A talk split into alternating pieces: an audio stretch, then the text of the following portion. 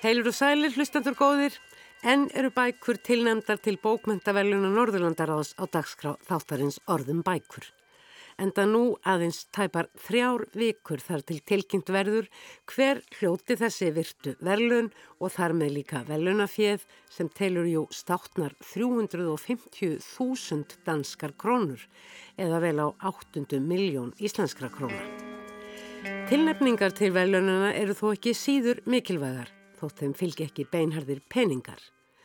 Óeinleg verðmæti eru öruglega fólkin í þeirri almennu kynningu á verkunum sem tilnæmt eru enda yfirlýst markmið velunana að ebla áhuga á bókmyndum og tungumálum grannþjóðana sem og menningarlegri samkend þeirra eins og segjar á heimasíðu velunana norden.org.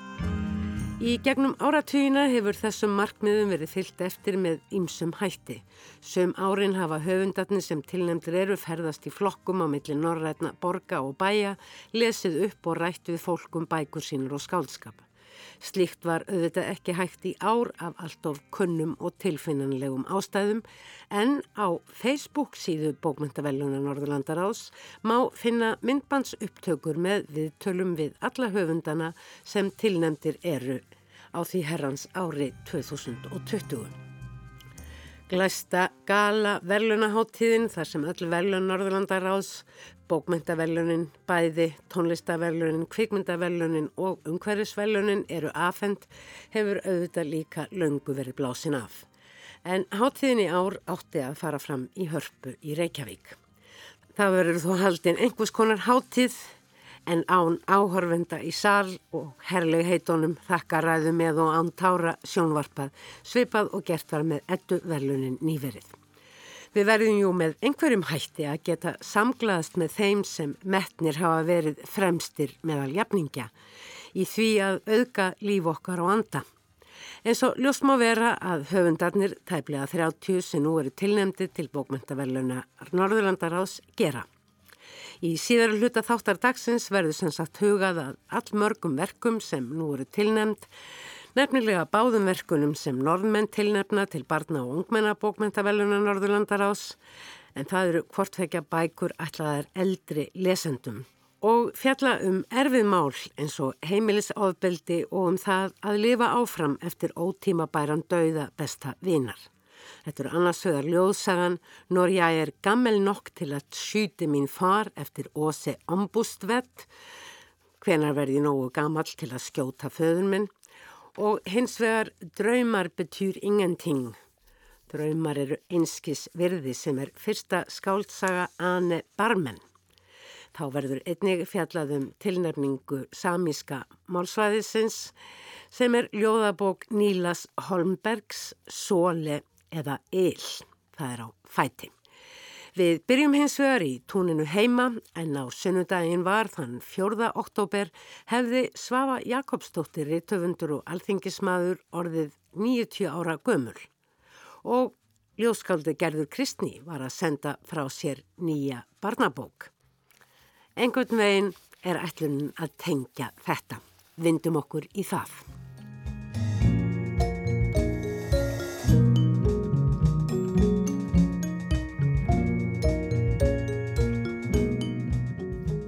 Hún fættist í Neskjöpstað árið 1930 og hún svafa Jakobsdóttir skáld og reyturundur.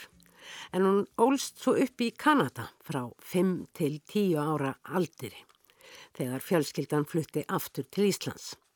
Svafa var rétt tvítu þegar fyrsta smásaga hennar, konan í kjallaranum, byrtist á prenti en Svafa hafi hreft fyrstu verlun í smásagnasamkeppni nýstofnas menningatímarits Líf og List. Svafa stundaði síðan framhaldsnám við Háskóla Íslands um skama hríð en síðar einni nám í ennskum og amerískum bókmentum í Bandaríkjunum og löngu síðar nám í forníslenskum bókmentum í Breitlandi. Svafa var orðin 35 ára þegar að fyrsta smásagnarsamhefnar 12 konur kom út árið 1965 og vöktu sögurnar um allar þessar ólíku konur nokkra aðtikli en náðu kannski ekki alveg í gegn. Það er þóttu öðruvísi en varfærnar eins og höfundur þyrði ekki almennilega að skora hefði viðtekna á holm sem þó var ljóstað svöfur hlaut að fýsa að kroppa í. Það var svo með smásagnasafninu Vestlaundir grjótvegg tveimur árum síðar að það var ekki framhjá því litið að hér var komin þrösu höfundur með stert erendi. Formið meitlað og fantasían bæði óvinnileg og frumleg í íslenskum bókmentum.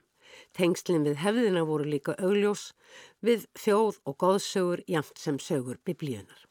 Árið 1969 kom svo skálsagan Leiandin sem segir frá hjónum sem búi í leigo íbúð en er að byggja sér eigið. Eitt góðan viðurdag byrtist maður sem svo beinlinni sest upp á hjónin. Þau láta sér sæmilega líka, venjast honum og kalla Leiandan. Eginkonan er frásagna með því að sögunar og söguheimurinn er íbúðinn sem öðrum þræði er eins konar fangelsi konunar. Þótt hún innan þeirra vekja búi við ágætt frelsi að minnstakosti að henni sjálfri finnst. Sagan er þannig ekki síður og kannski miklu fremur ádela á stöðu konunar á þessum tíma fyrir 50 árum en ádela á veru bandarísks hers í landi sem telur sig frjálst eins og sagan hefur gerðnan verið tólkuð. Þess má geta að fyrir bæði síðanemdu verkin, Veistlandur Grjótvegg og Leiandan var svafa tilnæmt til bókmyndavelluna Norðurlandaráðs. Lungan úr áttunda áratögnum satt Svafa Jakobsdóttir á þingi fyrir alþjóðubandarleið og let þar sannarlega til sín taka ekki síst í málum sem snertu konur, má þar til að mynda nefna breytingar á því sem í dag er kallað lög um þungunarróf, þar sem umræðan á þingi snerist á þessum tíma engum um sjálfs ákverðunarétt kvenna yfir eigin líkamann. Svafa gekk aldrei til liðs fyrir auðsókarhefingunum, ég var hluti á hvenna frambóðinu og síðar hvenna listanum. Sjálfsögð réttindi og aðtapnafrælsi hvenna til japs við Karla voru þó mikilvægasti þátturinn í hennar pólitík sem snýrist um að berjast gegn hverskins kúun. Á meðan Svafa satt á þingi sendi hún ekki frá sér bækur en skrifaði allmörg leikrit sem í dag teljast sannarlega til klassíkur íslenskra leikbókmynda. Eins og til dæmis hvað er í blíhólknum og lokaæfing þar sem þið karnivalíska eðli skáldskapar svöfu kemur svo vel í ljós.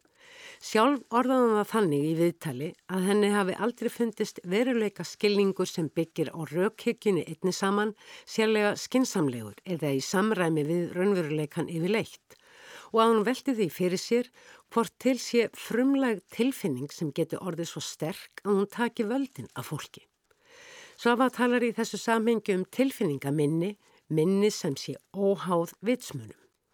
Í grein um svöfu og skaldskap hennar í tímaritinu Vera árið 2004 bendur Dagni Kristjánsdóttir á að þessar hugleðingar gæti hafa verið leiðarljós þeirrar vekkferðar svöfu sem endaði í síðasta stórvirki hennar skáldsögunni Gunnlaðarsaga sem einnig var tilnæmt til bókmentaveluna Norðurlandaráðs og síðar þýtt bæði yfir á sænsku og finsku að minnstakosti. Áður ívittnuð orðsvöfum tilfinningaminni leiða huganað nýri rannsóknum varðandi það hvernig kúun og áföll erfist á milli kynsluða. Svafa var um svo margt á undan sinni samtíð. Gunnlaðarsaga er einstakt verk í íslenskri bókmyndasögu og tengist merkilegum og í raun byltingarkendum niðurstöðum rannsóknasvöfu á frásóknum háamála og fleiri rita sem eignuður í snorra störlusinni. Síðar átti Svafa með rannsóknum sínum einni eftir að bæta við hugmyndaheim okkar og hugsun um skáldið ástþælasta Jónas Hallgrímsson og ekki síður sýstur hans. Bók með fræðigreinum svöfu skengst á bakvið skí kom út árið 1999. Síðasta bóksvöfu var svo smásagnasafnið undir eldfjalli. Árið 2001 kom svo út stórbók með öllum 25 smásögum svöfu, sögur handa öllum. Hér tún sem er leikur með titil einnar smásagna hennar Saga handa börnum, sem er jú saganum móðurina sem gefur börnunum sínum allt og sjálfa sig með. Einnig Gunnlaðarsaga hefur verið endurútgifin og árið 2004 kom út bókin Kona með speil þar sem byrstust tvær áður óbyrtar greinar eftir söfu sem á greinar nokkura fræðimanna um verkennar. Bókmyndasagan er laung eða kannski er hún miklu fremur breið, breiður vefnaður sem tegir sig til allra átta og sumstaðar eru á þessum vef gött og á öðrum stöðum er hann trostnaður en samt eru þarna sínilegir þræðir í mismunandi litum, óljósar myndir, slitrur og orðum sem aftur og aftur vekja aðtegli einhverja, allt annara á allt öðrum tímum og af því vaksa upp nýjar myndir og nýjar sögur. Þetta tengist jú allt og nú þegar Svafa Jakobsdóttir hefði orðið 90 ára gömul en hefur verið látin í 16 ár, þá komaði minnstakost upp í huga minn allar þessar sögur og leikrit sem hrefi mig fyrir mörgum árum, hafðu áhrif á mig og beindu mér í ymsar áttir hvað varðar bókmyndirnar. Og þá fer ég að hugsa um áhrif og öldur sem flæða fram, verða hluti af öðrum verkum. Gerður Kristni var aðeins 24 ára gömul þegar hún vakti fyrst aðtegli með ljóðabókinni Ísfrétt árið 1994.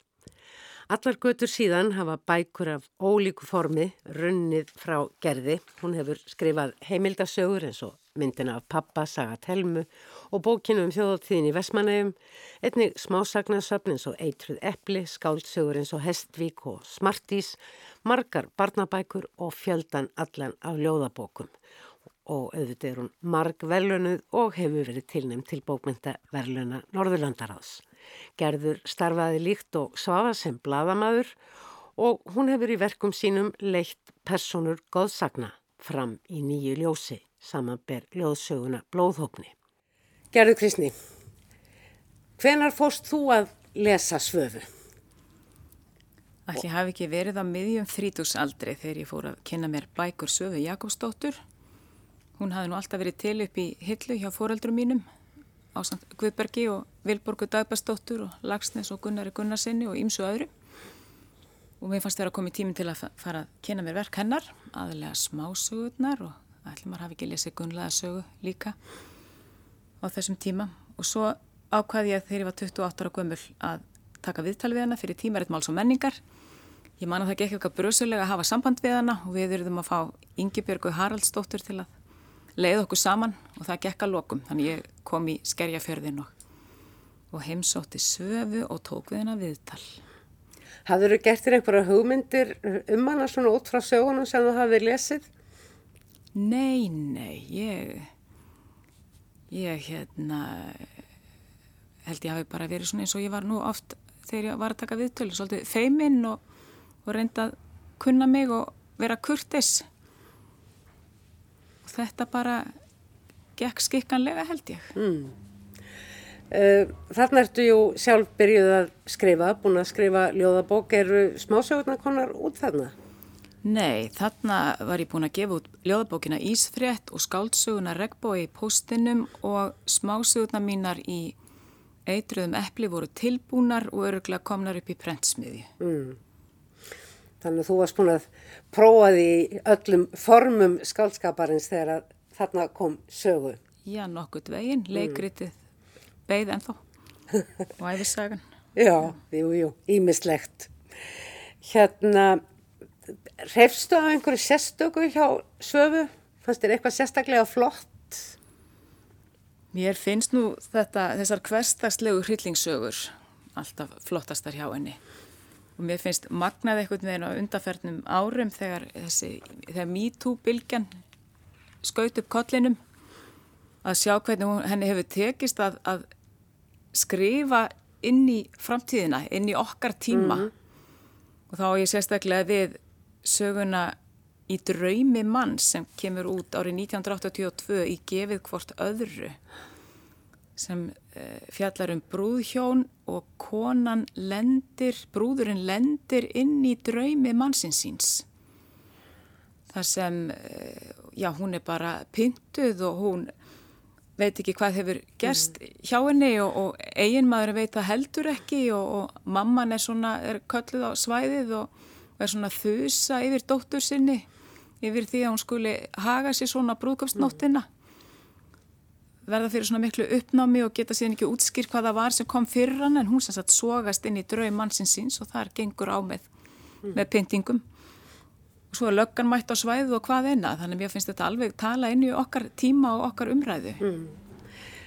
Þannig að það mætti kannski skoða verk sögu svolítið eh, meira út frá einhverja kannski dýbri vittnesku um sem að kannski margir höfðu en þetta en umræða um þessi mál, nauðung áfbeldi, ég tala nú ekki um kynferðislegt áfbeldi, það var náttúrulega bara ekkert uppi á borðum á þeim tíma þarna á síðustu áratögnum, síðustu aldar en 8. og 9. áratögnum. Einmitt og hún hefur alveg vita sínu viti. Þetta er saga sem sínir eh, varpa ljósi á þessa glöggu sín sem Svafa hafði á sálarlíf okkar. Og þetta er kannski hennar leið til þess að segja frá skelvingar kýmum samfélagsins sem var erfitt að, að skýra á annan hátt eða koma á framfæri. Meðan þólendurnir vildi ekki stíga fram þá var þetta náttúrulega svolítið flókið. Mm. Þannig að þetta er, þetta er til dæmis bara mögnuð saga. Nú hafið þið báðar skrifað um, ger ólíkum hætti en þó uh, um góðsögulegar personur, personur úr fornum íslenskum góðsögum, svafa um Gunnlaugu og uh, samskipti hennar við við Óðinn og þú um gerði Gímistóttur og þið snúi báðar svolítið upp á viðteknar sögur þetta má allar sögur lesa með ymsum hætti en uh, fæstir kannski hafa lesið frum, þessar frumsögur en hafa samt ákveðina hugmynd um uh, hvað það er innihalda eins og gætnan er með góðsögur. Þú segist að það var lesið gunlega sögu, sögu. Eh, var það einhvern tíman hugsað til hennar þegar þú varst að skrifa blóðhófni? Alveg öruglega ekki. Nei. Þetta er náttúrulega skaldsaga sem hún semur og ég ákvaða að skella mínu inn í ljóðabálk og var þá frekar að, að með minningabók Vigdísar Grímsdóttur á bakvið Eirað eða, eða Tarkovskis Hester eftir Píu Taftrúp. Þetta er bara allt annað form. Já. Þannig að ég var öruglega ekki með gunlega sög á bakvið eirað og bara líkast til frekar með, með teiknimyndasögurnar dönsku hans Pétur Madsens um, um goðheima. Svo hafði maður séð mynd Lukas Mútissonar, hérna, Lilja Forever og, og, og skoða dómskjöl og tekið viðtöl við þólendur kynferðisofbeldis mm. og það var svona það sem ég var að vinna með. Þannig að einhvern veginn hófst þetta nú. En uh, ég veit að þið er illa við orðið áhrifavald en eru svona eldri bókmyndir er hægt yfir höfuð að tala um áhrifavald vilja ekki bara allir höfundar vera sjálfstæðir getur þótt hitt og þetta gott og ágætt en uh, leita steila frekar við að setja sig sko svona til hliðar við aðra þegar Ég býst við að rítuðvöndar í dag leiti í svo margt annað en aðrar bókmyndir. Mér var falið að, að yrkja um kapla í njálsögu fyrir fáinum árum. Bálk sem byrti síðan í fyrra í heimskauti. Dauði hjartar heitir hann og ég átti að yrkja upp þarna kapla um, þar sem Gunnar á hlýðarenda og bræður hans Hjörtur og Kolskeggur fara í bardaga og gengur svona ljómandi vel þanga til hjörturfellur og ég manna, ég hugsaði hvernig á ég að yrkjum þetta á þess að bara lepja upp allt orðfærið úr njálsögu mm. og þá var mér hugsað til heitan ekki Captain America sem Robert Downey Jr. leikur og læsist svona inn í brinjunni sinni Já. stillir sér svona alltaf upp fyrir framann brinjuna eða búningin og hún svona læsist um hann ég sagði þannig er það komið mm. og í miðjum bálknum um njálsögu byrtist þessi lýsing á, á, hérna, á, á útganginum á þessari ægilegu hér. Þannig að áhrifin koma viðsvegarað mm. bara frá Hollywood og, og Ford-bókmentunum og eddukvæðum og teiknumyndasögum og, og, og því sem maður sér hérna út á götu. Ég ætla að fara að segja það, einhverjum sem dillar sér út á götu. já, já, þá lendur hann bara í bálki maður verður að passa mm. sig. Um, þú ert nýbúin að skrifa, senda frá þér uh, barnabók. Eru barnabækurnar kvild og skemmtan eða eru þær alveg sérlega mikil áskorun? Ég byrja alltaf á barnasögu með þeirri, með þeir, það þá flugu í höfðinu að, að nú verður þetta engin vandi, nú get ég bara skemmt mér og þetta verður bara búið innan fáiðna vikna, en það er aldrei þannig. Ég er alltaf jafn strand. Ekki einu sinni ballið á bestastöðum og prinsessan. Nei, vá hvað var erfitt að skrifa ballið á bestastöðum. Ég þurfti að fá alveg bara sérstaka, bara ég þurfti að vera ná görgæsla held ég á Sigþrúði sem þurfti að útskýra fyrir mér hvernig maður ætti raunverulega að skrifa sögu þegar, þegar ég var með ballið á bestastöðum í Sigþrúði rýtsurunum mínum. En allt hérnt, Já, þetta er aldrei auðvelt og það þarf að finna rétt að tónin og maður þarf að vera svolítið gladur á meðan maður sem, semur svona mm. barnasögu sem á að vera líf og fjör. Já, það og kemur... er það sannarlega svona á þessum fordamalósu tímum sem frægir eru sem að, uh, við lifum nú að þá verður þetta eins og bara lítil eiga með safarík og grænu grasi þessi litla guila bók Íðun og Afi Pönk Já, takk fyrir það. Við vorum að elda hérna litina framann á Sex Pistols plötunni Nevermind the Bollocks. Haldur Baldursson veið hvað hann er að gera. Þannig að mm. hérna, já, já, það var flókið að semja sögunum yðinu og afa punk en mér langaði til að, að fjallum það hvernig er að eiga svona punk afa. Nú eru punkarætnir orðnir afar og ömmur. Og... Mm. Þú ert eh, alltaf taldið með kynnslóðunar í barnabókunum þínu. Já, við erum búin að sjá ömmuna sem, og afana sem riðja upp úr sér málsáttum og prjóna og taka slátur og, og hvaða nú er, sko. Mm. Þannig að nú er þetta mín kynnslóð og svona sem er kannski aðeins eldri orðin, orðnar afar og ömmur, þannig að, að maður verður að, að varpa ljósi á þetta fólk líka. Mm. Le, hleypaði minni í bókmyndirnar og le, leifa þessum ömmum og öfum að sjá sig í, íslenskri barnabók. Svo er þetta náttúrulega líka svolítið að, eh, að stríð okkur Já. fólkinu sem að arkar upp um fjöll og ímsum öðrum Já, það verður bara að hafa það því ég já, bara arka ekki upp um fjöll mm. og þá verður maður að senda þetta fólk einhvern veginn í burtu, foreldrana svo ævintirinn geti gerst og hjá línu er þetta náttúrulega bara mamman dáin og pappin sjóraningi þannig ég gæti nú ekki alveg farið í það. Þannig að ég sendi þau bara í fjallgöngu í staðin til að mm. losna við liðið.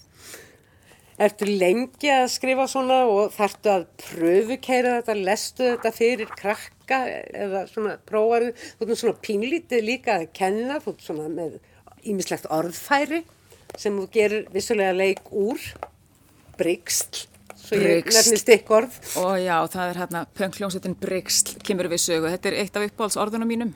Skemmtilegt orð, það er alveg rétt. Það er ótrúlega gaman að segja bryggsl og að væna fólkum bryggsl. Já, það getur líka verið óskaplega skemmtilegt. Fólki bregður svolítið þegar maður notar þetta orð. Mm. Er, hérna, orð eru skemmtileg, þannig ég var það tönla svolítið á þessu.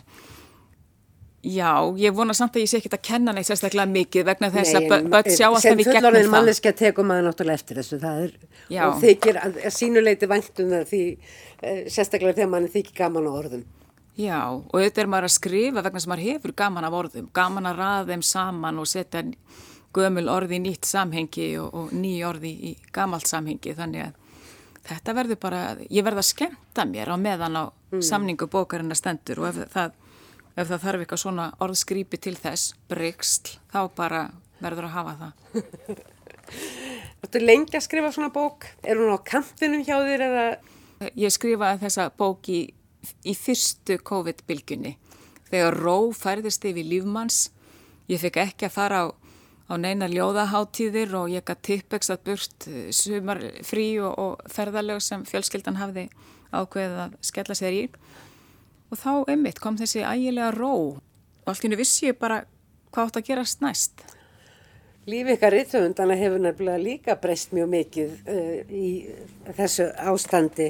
Ég vil þótt að uh, myndin af ríðtöfundunum sé æfinlega svo hann seti bara eitt við sitt skrifborð fyrir fram á sína tölvu en uh, þeir eru náttúrulega ferðast mjög mikið og, og bækur ekkert að koma út við um lönd og núna bara nýverið var jú sálumessa ekki satt að koma út í Brellandi og fekk þessa fínu dóma. Það hefði verið gaman að koma við í bókabúð og ræða við lesendur eða hvað? Það bara býður. Sálumessa þegar komin út í Danmörku og, og Noregi og nú er það Brelland og þetta hefur bara allt sinn gang. Mm. Maður er bara sali. Þetta hefur bara verið ágættist tími til að einbita sér að því að skrifa og glósa hjá sér hugmyndir og, og finna svona gleðina í starfinu. Er það aðalega skáldskapur sem að þú ert að uh, punta uh, niður sögur, smásögur, ljóð, barnabækur en síður kannski heimildasögur? Já, ég er að, að yrkja bálk og, og viða að mér hugmyndum í ljóð. Mm og það hefur bara komið mér á óvart hvað, hérna, hvað Íslandingar hafa gaman að ljóðum. Það er óskaplega gaman að gefa út ljóðabækur á Íslandi. Við eigum sko sterk, sterkan hóp hér sem fylgistu vel með ljóðaboka útgáfu. Mm. Þannig að maður er síðan er svo að tala út í tómið þar. Og síðan er ég með skáldsögu á kantinum og aldrei að vita nefnum maður sem ég framhaldum yðunni og afa hennar, mm. kent hann við pung. Já, afinn er ju komin í nýjar aðstæður. Jú, jú. Á þess að við gefum nú nokkuð upp því að svo er þetta náttúrulega líka leinilörglu saga. Hefur þér aldrei dóttið í huga að skrifa og bara glæpa sögugerður? Ég reyndi einu sinni, ég byrjaði Þess... á ljóðabúlknum drápu sem glæpa sögu. Það voru ekki fallegir kaplar, ég var nú bara væna, væga sagt beðunum að sleppa þessu. Þannig að ég held að ég eh, haldi mér bara við ljóðabálkin. Mm. Þegar við, ég þarf að koma ykkur slíka á framfæri. Það hefur gefist vel líka. Mm. En þú býr þarna til svona svo litla svona le, le, leini fléttu svona. Þetta þær setja sig í, í, í þau spór vinkonurnar. Já. Sa Sara... Já, Marja Sara. Marja Sara og... Og svo er það þarna... Yðun Sliðuga. Já og svo er það Díti og Jóa hérna óvinnirnir í, í, í súluhauðanum en hérna, já það hverfur reyðhjól og, og það verður að finnast eins og við vitum öll sem töpum reyðhjólunum okkar þá mm. verður mm. bara Það er á kveikjan á þessari bók Var það, það stóli reyðhjól? Já, mér langaði til að fjallum krakkar sem, sem lendir í því eins og svo margir íslenski krakkar að reyðhjóli hverfur og það er alltaf verið að þessi stóru vandamál hjá krökkunum sem erfitt er að, að, að erfitt að sannfæra sundu fullóttan fólkið um hvað þetta er mikilvægt og þetta er vandamál sem verður að leysa og það er því snarasta. Þannig að krakkarnar eiga alltaf svona sinn heim og fullóttan fólkið sinn og, og svo er það þessi afi sem bara hlustar á Ramóns og, og rifjar upp góð ferðalög með, með sinni gömlu unglinga hljómsveit og lifir svona í fórstíðinni Mér langaði til að leiða þetta fólk saman og, og, lúsmíða þetta Svo var ég svo smegt, ég er náttúrulega byrjaði þessari sögu í fyrra þegar lúsmiði kom fyrst í sögunar, ég ótaðist mjög að þetta hefði bara tengst sömurinn í 2019 og ég var svo glöð í vor þegar ég sá að fólk var enn að vera bitið af Facebook, af hérna, af lúsmiði, ég sá þetta á Facebook. Það var eitthvað svona þorðargleði sem ólmaðist mér innra. En hvað sem allir lúsmiði líður þá er yðin og afi punk skemmtileg saga og hérna gaman að spjalla við þig um uh, svöfu og, og svona bókmentirnar í kringum okkur og allt það fjölmarka sem að bara hefur áhrif þegar að einhvers hest niður til að skrifa. Kæra þakkir, Gerður.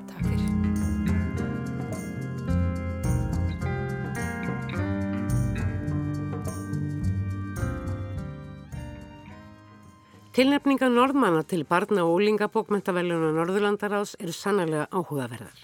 Í báðum bókunum er fjallaðum erfið málefni.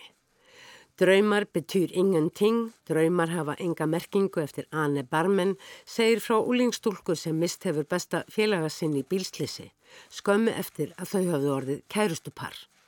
Og nú þarf hún að fara heim í þorpið vegna þess að ammaðinar er fallin frá.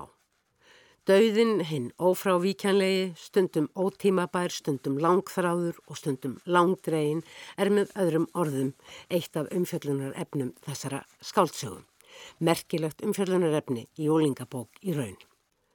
Nú er ég gammel nokk til að hvítu færen mín, hvenar verð ég nógu gammal til að skjóta pappa minn með undirtillinum Dikt for ungdom eða Ljóð fyrir ólinga nær ekki síður merkilega vel utanum umfjöllunarefni sem er óvinnilegt í úlingabók. Óse ombust vett yrkir ótrúlega nærfærnislega og sannfærandi fyrir munn úlingspilts sem elst upp við heimilisofbeldi. Byrjum á því að skoða þá bók svo litið nánar. Framhlið bókarinnar hefur verið skipt upp í eina 20 ferninga þar sem í hverjum og einum er andlitsmynd af karlmanni dregin einfaldum dráttum, hörkulegum. Á einstaka portrættana glittir þó í viðkvæmni. Titillbókarinnar eru auðvitað líka framann á henni, handskrifiðum stöfum, bass eða úlings sem hefur vandað skriftina en samt fengið undistrykað með rauðu.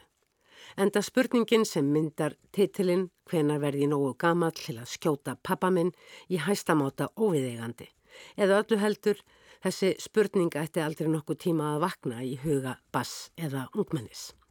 Höfundinum Ósi ombústverð tekst í þessum ljóðum að komast inn að kviku þess sem býr við stöðuga ógn fyrir sína hönd og sína nánustu. Pappi minn vill fá alla aðtegli í húsinu. Hann vill að við hlustum þegar hann talar. Hann vill líka að við hlustum þegar hann talar ekki. Pappi minn þólir ekki að við hlustum ekki þegar hann talar. Pappi minn er barn, segir mamma mín. Svo þú ert gift barni, svara ég á móti. Ég á þrjú börn, segir hún, og hann er það stærsta. Eldri bróðurinn hefur mætt þessum hræðilega heimilisvanda með því að vera aldrei heima. Með einföldum hendingum ljóðformsins og afar tjáningaríkum tekningunum tekst í ljóðsögunni hvenar verði nógu gammal til að skjóta pappa minn að tjá ofbeldis aðstæður 10, 12, 13 ára drengs og hvernig ógnin og ekki síður skömmin fylgja honum við hvert fótmál. Inn í skólastofuna, úti á skólalóðinni, á leið úr og í skólan, hvar sem er og jafnvel þegar einhver reynir að nálgast hann af áhuga og væntum þykju. Stelpunum líkar heldur ekki við mig. Þær stíga skref tilbaka, allar nema Emma. Eitt daginn spurði Emma mig hvað væri að. Hvað meinaru, sagði ég. Líður vel, sagði Emma. Bara smá kvefaður, sagði ég. Emma yfti aukslum. Fyrir ekki að ég var bara að pæla. Er einhver að stríða þér? Eða hvað er að? Er allt í lagi heima í þér? Eða hvað er að? Af hverju segir aldrei neitt? Ég sé alveg að það er eitthvað að. Farðu til hjúkunar eða félagsráðgjafans eða talaðu við bekkjakennaran og foreldræðinir, talar við þá? Hún lítur að hafa séð eitthvað í augunum á mér. Ekki draga foreldra mína í þetta. Emma tók restina af nestinu sínu og fór. Talaði við eitthvað, endur tók hún og kastaði til hárinu. Emma, Emma, hugsaði ég. Óse hefur sagt frá því í viðtali að kveikjanar bókinni sé atveg sem hún hafa orðið vittni að í maturverslun. Fadir tók hörku taki í sónsinn og fyrir henni hafi verið ljóst að það var ekki bara sársökin sem drengurinn fann til, heldur vanliðanin við það að þetta skildi gerast svo aðrir sáu til og að þetta var eitthvað sem drengurinn þekkti vel. Hann beigði sér niður. Ég leiti upp, hann þreif í mig, kifti höfðun á mér upp, greipum kjálkan á mér með annar í lúkunni. Nokkrum sentimetrum frá augum hans voru augum mín. Ég hafði gert eitthvað. Ég hafði ekki nefnt að leita því sem hann bað mig um að finna. Ég vissi að ég mátti það ekki. Ég starði beint í augun á honum. Lúkan á honum tókum hökun á mér, bara ekki blikka með augunum. Ég hata þetta grepans. Atvikið settist beinlinis í líkama ósi ombútsveld eins og hún orðaði það í áðurnemdu viðtali og þegar hún kom heim úr búðinni gaf hún sér rétt tíma til að setja frá sér vörurnar áður en hún settist við skrifborðið og byrjaði að skrifa. Og det som eh, faktisk skjedde med meg, det var at jeg da når jeg kom hjem, så satte jeg liksom bare fra meg matposene og bare gikk rett til skrivebordet mitt. Og, og begynte å skrive, for den hendelsen satte seg fast i meg i kroppen kroppen på meg. Og jeg satte meg rett ned og begynte å skrive, og jeg skrev og skrev i flere timer, som egentlig da ble et utkast til det som har blitt den, eh, den boka her. Og, og da starta jeg med et jeg med en gang. Så jeg starta i første person. Þessi skrif urðu síðan efni viður bókarinnar hvenar verði nógu gamall til að skjóta föður minn sem er öll skrifuð frá sjónarhóli drengsins í fyrstu personu sem gerir þessa ljóðsögu einstaklega áhrifaríka. Auðvitað hafið það hjálpað, saði Óse ennfremur í þessu viðtali, að hún hefði starfað sem kennari í mörg ár og þekkti vel bæði til persóna eins og sögumannsins og þeirra sem hún vildi hafa það til með bókinni.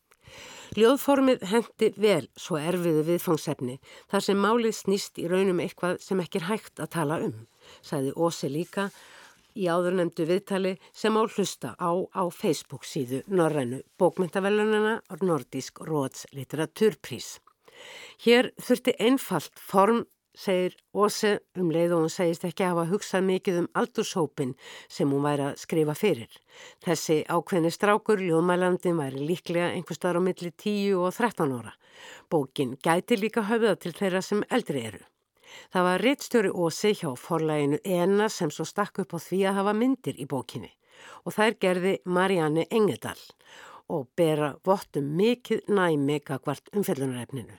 Þar skiptast á einfaldar svartkvítar tekningar af ýmsum aðstæðum sem lístir í ljóðinu, annarsvegar og kraftmikið krass hinsvegar, gert með breyðum svörtum línum sem lýsir vel innra ástandi drengsins og jafnvel föðurins líka.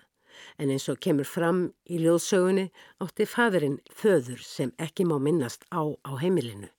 Fadurinn hatar með öðrum orðum sinn föður líkt og drengurinn hatar hann og hvorugur fær sér lausan úr þessari hræðilegu ringgrás. Strákurinn gleymir bókunum, lærir ekki heima, kæris ekki um vini sem gætu jú hringt dyrabjöllunu þegar eitthvað stendur á. Hann þarf stundum til læknis vegna áverka, það þarf að ljúa og leika og hann lendir í slagsmálum í skólanum. Fóreldratnir eru kallaðar á fund. Fadurinn heimtar að senunum verði refsað. Hann eða ekki að komast upp með svona lagað. Kennarin reynir að ná til nefnhandans. Hvernig líður þér? Ég horfi á lúkurnar á pappa mínum sem ennleikja kreftar á borðinu. Ég rugga með stólunum, fætirnir á mér titra. Ég lít niður. Ég ætla að skjóta hann þegar ég er nógu gamall, kvísla ég. Ljóðsagan, nú er ég gammel nokk til að hvíti farin mín, er ekki sjálfsjálfarbók fyrir úlinga. Já, eða fullorna um heimilisofbeldi. Heldur veitur hún eins og allur skáldskapur sem stendur undir nafni, insýn í heim þannig að það fólk sem ekki þekkir, það er almennur lesendur, eru ekki aðeins marg svísar um það sem um er fjallað í þessu tilviki byrtingamindir heimilisofbeldis, heldur og sem kannski er mikilvægara, fá þér tilfinningarlegan skilning á þeim hryllingi. Sjálf segist Ósi Ombudsvett hafa viljað opna ungum lesendum aðgang að ljóðum, bæði sem tjáningaraðferð og sem bókmyndaformi, þar sem hægt sé að segja frá öllu mögulegu líka því sem er óendanlega erfitt að koma í orð eða eins og segir í ljóðateksta á baklið bókarinnar. Getur þau reynd að koma í orð því sem er erfitt? Koma í orð, koma í orð koma í orð, koma eldi að því, hugsa ég. Því ég veit ekki hvað ég get sagt. Nú er ég gamil nokk til að hvíti þarinn mín er einstök bók sem ég sannarlega leist ekki alveg á í byrjun, kannski vegna viðkvæms umfjöldunaræfnisins. Frásagnamáti ljósögunar gerir hana hins vegar afar áhrifaríka og það væri gaman að vita hvernig henni hefur tekið af ungu fólki í Noregi.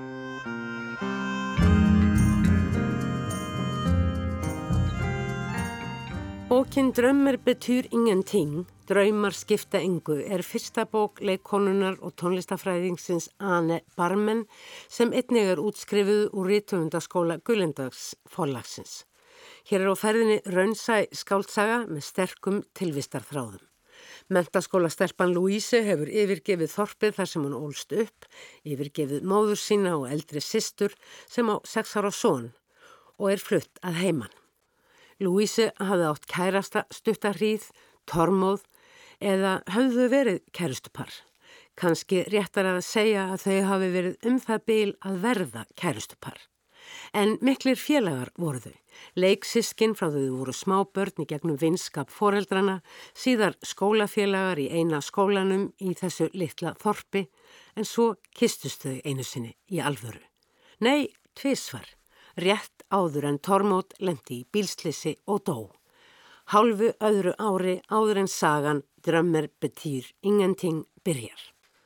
Dauði unga mannsins var auðvitað mikið áfall fyrir Louise sem í kjölfarið hafði ekki getað hugsað sér að halda áfram í mentaskólanum í heimabygðsinni og fengið það í gegn að flytja til næsta stóra bæjar, Ólisund, leia þar herbergi og halda þar náminu áfram.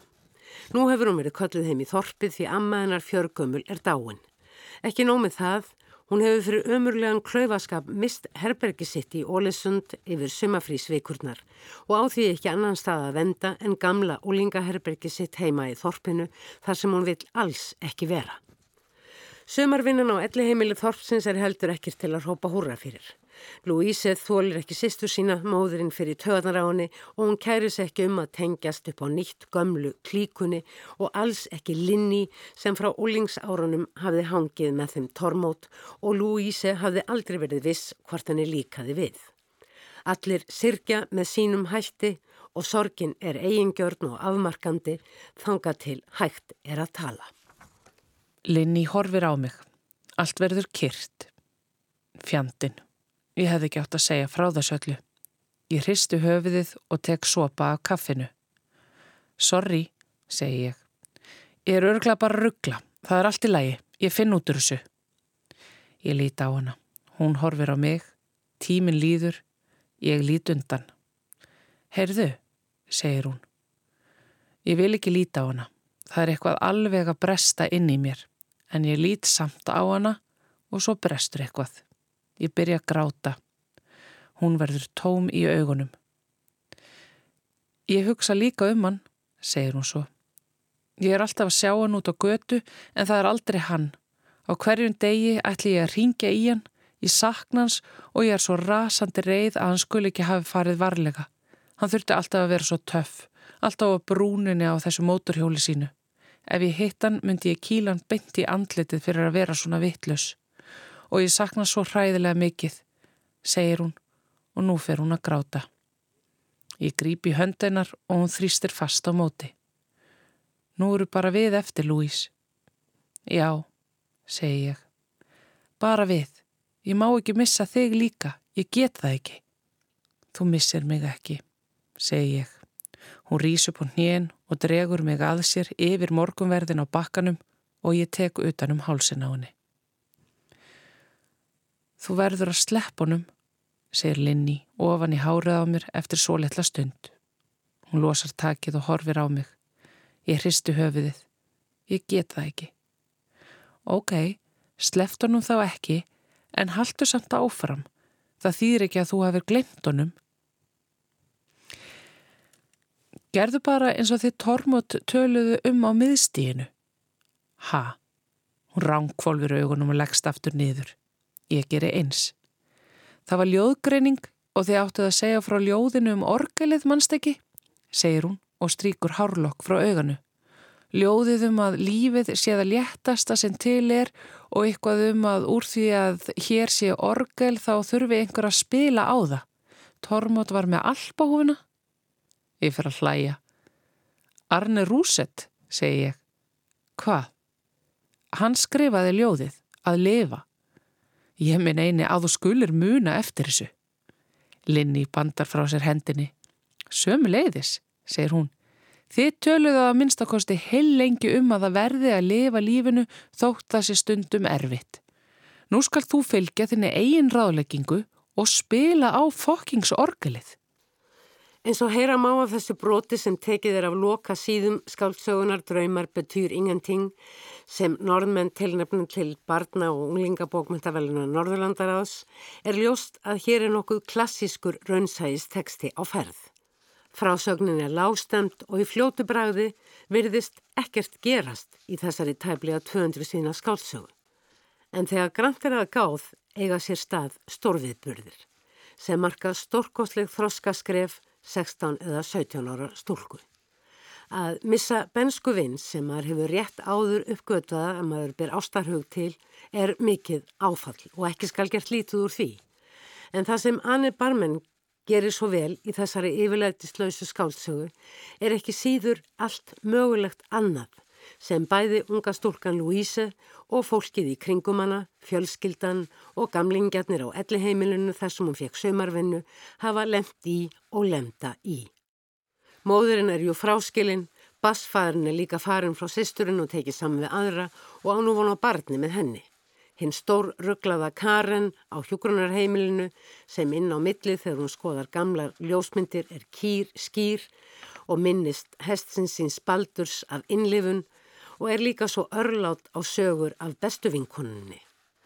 Vinkonan Alf Hilde er einnig á hjógrunarheimilinu og einnig hún deyir þetta sömar og Karen sirkir.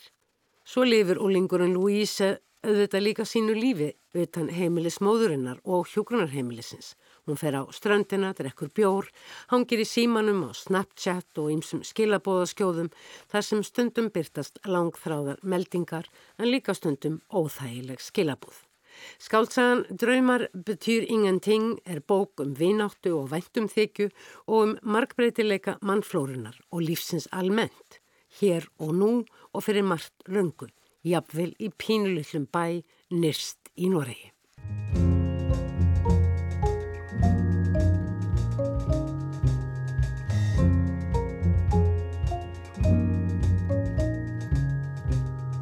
Bókin sem tilnæmt er af samíska málsvæðinu til bókmyndaveluna Norðurlandaráðs er ljóðabók og heitir Sóle, Sóli eða Eil í norsku útgáfinni sem höfundurinn Nílas Holmberg og Endre Rúsett endur ortu. Kápa bókarinnar er úr meðal mjúkum, dökkum, pappir, nokkuð þykkum, með óreglulegum hvítum ringlínum sem líða út fyrir kápuna bæði á bak og framhliðinni.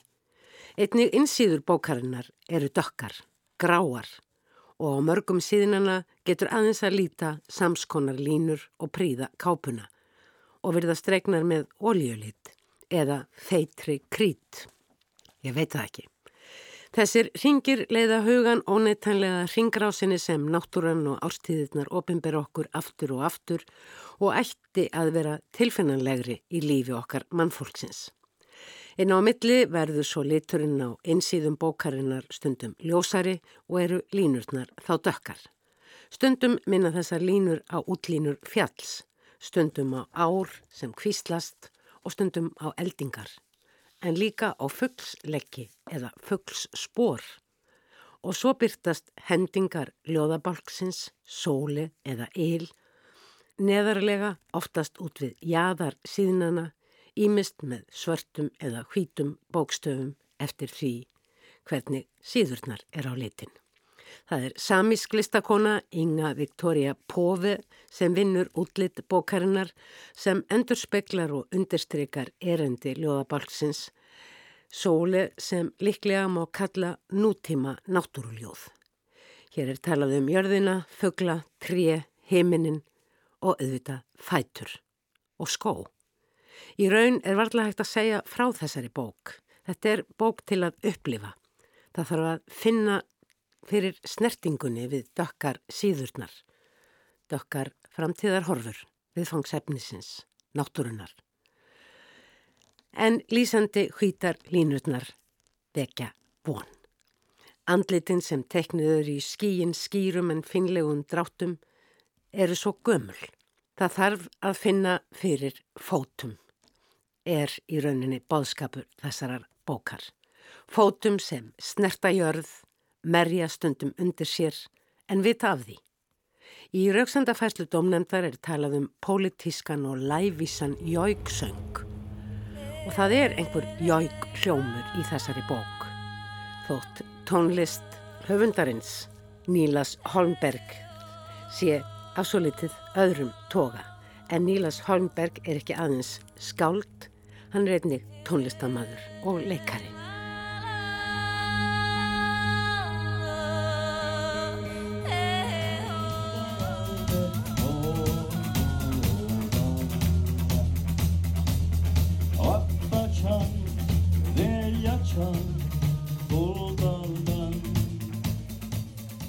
Orðið of seint að ala upp barn? Eða er of seint að spyrja?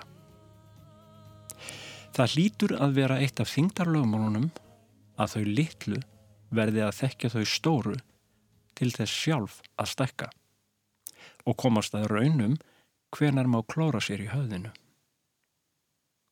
Mundu að fyrir þeim er eins og að við spyrjum hvers vegna egg týsti ekki og steinar ekki lengur fljúi. Bjarkirnar eru hálfnaktar, fallin réttindi hilja landslægið. Trjágrein brestur undan stígvili. Samt alast þau upp börnin með eiru lík löfblæði, barn sem drekkur í sig málfræði úr lífræðinni. taktík bláklukkunar. Sannaðu að öll orð séu lýsingarorð. Það er hernaðar á öllum blóma engisins. Torskilin þessi ljóð, eða. Þau lúta að minnstakosti eigin lögmálum, eigin lógik og fagurfræði sem tengist landinu sterkum böndum. En hér er líka pólitísk akrin á ferð. Ekki aðeins á aðgerðir og athafnir, heldur ekki síður á hugsun. Rótgróna hugsun vestrætnar heimsbyggi og hugmyndasögu með vísunum vítt um menningasöguna. Einn af rauðu þráðunum í þessari gráu bók eru skórnir, myndkverjing þess sem ógnar, skósmiðurinn, skóframleiðandin. Hvernig skór loka inni fótinn, tærtnar, hælana, illjarnar. Skórnir hindra raunverulega tengingu við jörðina, landið. Og vestlunarhættir með skó sömu leiðis. Skórin nagar, fóturinn leysist upp og í góðri stöðu fáum við að vita að stígvél hafi aldrei verið þægilegri. Tínir yðinframlegslan bláklukkur. Samkvæmt skósmiðnum er það að fela tær vörn bæði fyrir fótinn og blómaengið. Því það er hann sem hefur stútir að lífsins löngu stíga. Í hans tólkun veit gráðugur hællin hefur ekki vitað í margar aldir hvað honum er fyrir bestu. Börnin eru annar þráður í þessari margslungnu fléttu hugleðinga um land og fólk, sögu og tungumál. Efnið í slíkt barn afhjúpast í tungumálunu. Orð ekja til að rjúfa mörg, opna inn í óendanleikan. Undir lókbókarinnar eru síðurnar orðnar kolsvartar með sínum hvítu svífandi línum í þessu fallega bókverki Ingu Viktoríu Póve og Nílas Holmberg. Og í orðunum á þessum síðustu síðum verður landið, skrifað með upphafstöfum, aðalpersonum sem í eðli sínu er ekki hægt að spilla, sem þó ekki þýðir að ekki sé hægt að misnota það. Þér finnst útsýnið fallegt. Já, einmitt. Takk. Að lifa er að svara einni spurningu. Spurningin er land. Og ég, eftir bestu vitund, svara land. Ég lýsi landi. Ekkert lýsir mér eins og land. Ljóðabók Nílas Holmberg með sínum einfalda titli Sóli eða Íl er sannarlega ekki einföld og þyrti að lesa oft, aftur og aftur. Ég hef en ekki haft tök á því en það hljómar lokkandi. Kanski er þessi bók einfallega land og lestur hennar að ganga um land. Í ljóðabókinni Sóli er eitthvað alveg nýtt á ferð frá samíska málsvæðinu. Eitthvað fallegt og mikilvægt og sem á erundi við okkur öll. En hver er Nílas Holmberg? Þótt bókin hafi verið endur orrt upp á nýnorsku, þá er Nílas Finnlandsami. Hann er líkt á landi hans Valkiapea, fyrsti og eini samin sem hlotið hefur bókmyndavelun Norðurlandarás, tónlistamadur og leikari, auk þess að vera mjög áhugavert ljóskáld. Nílas hefur líka unnið við samiska útvarpið og í Wikipedia er hann sagður umhverfisaktivisti sem kemur ekki á óvart þegar að ljóðabókin er skoðuð eða jafnvel ljóða bækurnar því hann hefur gefið út fleiri. Hann hefur fengið fjölda viðurkenninga í öllum listgreinunum sem hann leggur stund á og einu sinni áður fyrir fimm árum var hann tilnemdur til bókmyndavellunar Norðurlandarás fyrir ljóðabókina Amas Amas Ama Suminivat eða Svo að hinn ókunni verði ekki lengur ókunnugur sem þótti líkt á þessi bæði frumleg og áhugaverð. Kanski komin tímin til að bókmyndavellu Norðurlandaráðs fari öðru sinni til samíska málsæðisins. Fleiri verða orðum bækur ekki að þessu sinni. Tæknimaður var Úlfildur Eistensdóttir. Takk fyrir að hlusta. Verði sæl.